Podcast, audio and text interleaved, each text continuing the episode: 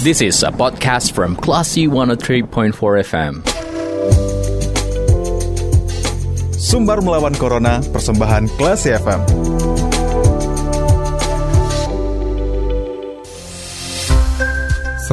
empat Classy FM bersama kita lawan Corona. Classy People, saatnya Anda mencermati program Sumber Melawan Corona bersama saya Bimo Alvaro. Dan untuk sumber melawan corona kali ini kita sudah tersambung via line telepon ada Ketua Persatuan Dokter Paru Indonesia atau PDPI Sumatera Barat ada Dr. Irfan Medison yang akan berbicara seputar bagaimana terkait dengan aturan baru yang tertuang dalam surat edaran terkait dengan perjalanan domestik selama pandemi. Langsung kita sapa Classy People. Assalamualaikum, selamat sore dokter. Waalaikumsalam warahmatullahi wabarakatuh, selamat sore. Gimana kabarnya dokter sore hari ini? Alhamdulillah baik. Alhamdulillah, salam sehat terus ya dokter ya. Iya. Oke, okay. dokter. Nah sebelum kita ngebahas tentang surat edaran uh, dari pemerintah terkait dengan perjalanan domestik selama pandemi, nah selaku ya. dokter spesialis paru, gimana sih dokter perkembangan kasus COVID di Sumatera Barat saat ini? Ya, uh, sampai saat ini kasus masih banyak ya diam-diamnya masih banyak yang dirawat. Ya, kasus tentunya kita uh, tetap waspada walaupun edaran yang dikeluarkan oleh pemerintah itu merupakan suatu apa namanya uh, harapan baik ya mm-hmm. untuk kita ber uh, apa namanya berkegiatan uh, arti harapan bahwa COVID sudah mulai uh, berkurang. Namun seperti pengalaman kita uh, pengalaman di negara lain juga seperti di Amerika kondisi sudah turun ternyata bebas semuanya kasusnya meningkat. Ya, tentunya kita tidak ingin kasus seperti itu di timbul di negara kita. Walaupun sudah ada edaran seperti itu, tetap protokol kesehatannya penting. Oke. Okay. Uh, ya, penting untuk kita lakukan. Ya, untuk untuk deteksi mungkin uh, dilonggarkan, tetapi untuk proteksi kita tetap harus ketat. Demikian. Oke, okay, dokter. Untuk uh, kasus COVID di anak sendiri kan beberapa waktu sempat naik juga ya dokter bagaimana anak-anak mulai terjangkit COVID-19 dan juga vaksinasi anak mulai digencarkan. Dari dokter sendiri, dari pengalaman dokter melihat uh, kasus ini, apakah anak-anak emang harus di boost lagi nih dokter untuk bisa terus divaksin? Ya, uh, risikonya untuk anak-anak tuh cukup uh, tinggi juga ya, karena kegiatan anak-anak itu kan sekarang sudah mulai uh, apa sekolah offline ya. Mm-hmm. dan uh, risiko itu akan besar kalau uh, kondisi uh, sering berkumpul ya. Uh, di tempat keramaian misalnya kan. Kalau mm-hmm. di sekolah tentunya sesama sesama murid akan berkumpul ya. Betul. Nah mereka berasal dari uh, berbagai keluarga. Dari keluarga juga ada anggota keluarga yang ada aktivitas lain Nah, risiko penularan itu yang kita harus waspadai. Oke. Okay. Tentunya untuk mencegah penularan, uh-huh. satunya uh, protokol kesehatan penting. Kemudian meningkatkan imunitas dengan uh, vaksinasi, mm-hmm. itu juga penting. Oke, okay, ya. dokter.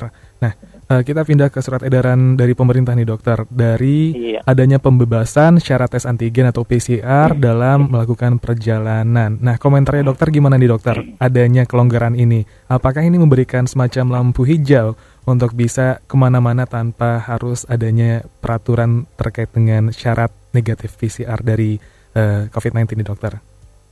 Di satu sisi kita menyambut baik bahwa uh, apa namanya di ada adanya edaran uh, diperlonggarnya apa namanya persyaratan perjalanan itu akan membuat masyarakat akan lebih uh, gampang untuk uh, berkegiatan ya uh, antar antar antar daerah tidak lagi direpotkan dengan pemeriksaan-pemeriksaan uh, swab gitu ya. Namun di sisi lain risiko untuk penularan akan jauh lebih tinggi. Mm-hmm. Nah itu yang perlu kita waspadai. Oke. Okay. Nah juga nah. untuk mereka uh, masyarakat yang mulai ngumpul-ngumpul, ngopi-ngopi, seperti yang kita lihat di Kota Padang sendiri sudah mulai banyak nih tempat-tempat tongkrongan yang mulai ramai nih dokter.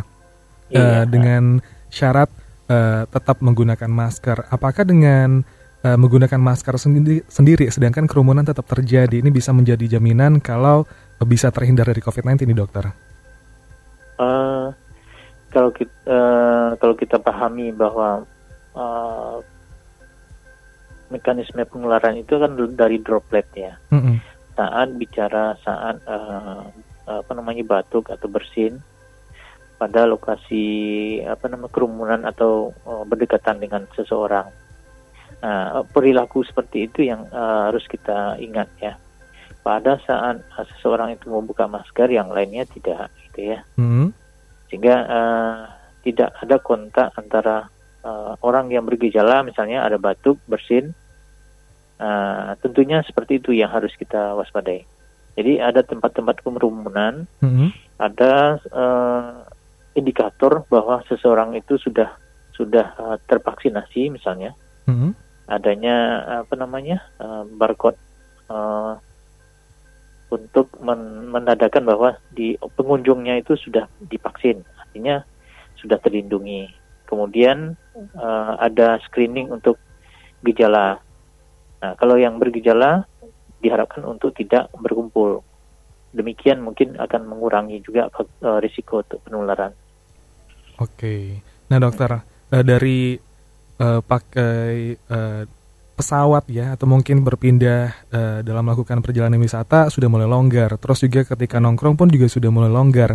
Apakah eh, tergolong aman nih dokter untuk melakukan kegiatan di luar ruangan melihat peraturan yang sudah mulai dilonggarkan, masyarakat yang mulai sedikit demi sedikit ngerasa ah udah dua kali vaksin jadi aman dan nggak perlu pakai masker. Sedangkan varian Omicron sedang eh, mewabah nih dokter. Apakah tergolong aman atau gimana dokter? Ya, untuk uh, seperti kita ketahui Omikron itu kan uh, gejala klinisnya tidak seberat Delta. Mm-mm. Cuman uh, risiko penularannya tinggi. Iya. Nah, um, tentunya kita mengharapkan jangan terjadi penularan.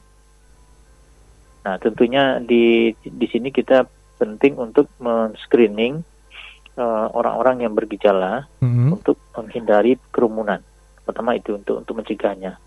Kemudian ada eh, apa namanya eh, semacam eh, identifikasi di suatu tempat itu angka kejadian COVID-nya sudah mulai menurun. Mm-mm. Itu menandakan bahwa daerah tersebut sudah mulai dikatakan aman. Oke. Misalnya di di di, di Padang mungkin eh, dilakukan apa eh, eh, apa swab berkala untuk eh, untuk instansi tertentu Mm-mm. Nah, itu yang akan menggambarkan bahwa kejadian di suatu instansi atau di suatu uh, tempat kerja, ya kalau kita di M Jamil kan ada uh, swab berkala ya Mm-mm. untuk menentukan uh, tertularnya uh, apa namanya karyawan ya terhadap COVID itu tuh menggambarkan juga uh, kejadian di satu wilayah. Kalau kejadiannya minimal atau kecil, itu menandakan suatu daerah itu sudah bersih dari uh, penularan COVID. Itu. Oke, dokter. Nah, eh, dokter tadi dokter menyinggung seputar varian Omicron yang mudah tersebar. Eh, dari laporan yang dokter terima, apakah ada masyarakat di Sumatera Barat yang meninggal karena varian Omicron, dokter? Iya. Kalau di di M Jamil tentu kondisi-kondisi yang berat ya. Mm-mm. Uh, dan selama ini dalam uh, dua bulan terakhir ini memang varian yang yang uh, ada yang di kita rawat itu adalah varian uh, sebagian besar adalah varian yang probable Omicron. Mm-mm. Karena untuk memastikan Omicron itu perlu diperiksa ke Jakarta. Kita hanya sampai probable dan probable itu juga uh, apa namanya mengindikasikan bahwa sekitar lebih dari 95% itu kemungkinan Omikronnya sudah pasti. Baik, Jadi dokter. sebagian besar Mm-mm. yang yang ada di dirawat di MDML itu adalah uh, probable Omicron Mm-mm. dan ada juga yang meninggal karena COVID itu. Oke, dokter. Ya karena Omicron juga. Oke. Nah, dokter kan salah Ya, satu ikhtiar dalam yang meninggal Hmm. itu Mm-mm. jadi bahwa eh, semua tidak ada yang hanya COVID saja. Baik. Artinya bisa saja penyebab kematiannya karena komorbidnya. Oke. Nah, dokter dengan dokter juga menjelaskan seputar komorbid. apa yang harus dilakukan bagi orang-orang yang memang nggak bisa divaksin, dokter? Uh, dengan alasan mungkin ada syarat dari kesehatan yang memang tidak memungkinkan untuk divaksin. Sedangkan varian Omicron sedang mewabah, uh, yang artinya uh, tersebar lebih cepat dan juga uh, lebih uh, tidak kelihatan uh, ininya dokter ya efek buruknya karena Omicron tergolong ringan ya atau mild. Nah di sini apa yang harus dilakukan bagi orang-orang yang nggak bisa divaksin nih dokter? Ya pertama tentu diperiksa uh, melakukan pemeriksaan ya hmm. apakah memang betul-betul uh, tidak bisa dilakukan vaksin. Ya bisa saja mungkin dikontrol penyakitnya, vaksinnya juga bisa jalan. Pertama itu. Okay. Kalau kalau memang betul-betul tidak bisa divaksin, tentunya menghindari keramaian, menghindari kontak dengan uh, uh, yang berisiko seperti itu. Jadi uh, aman selama masa pandemi ini. Jadi menghindari ke mana-mana dulu selama masa pandemi untuk hmm. menghindari terpapar oleh uh, COVID-19 Omicron ini. Oke, ditahan dulu ya dokter ya buat kegiatan nah, di luarnya dokter ya. Iya, sementara uh, wabah lagi uh, ada, -huh. ya jangan ke mana-mana dulu. Oke, jangan ke mana-mana okay. dulu. Oke dokter, uh, dokter terima ya. kasih banyak waktunya di sore hari ya, ini. Ya, oke. Oke, selamat bertugas kembali dan uh, sampai ketemu di lain kesempatan. Assalamualaikum dokter. Waalaikumsalam warahmatullahi wabarakatuh.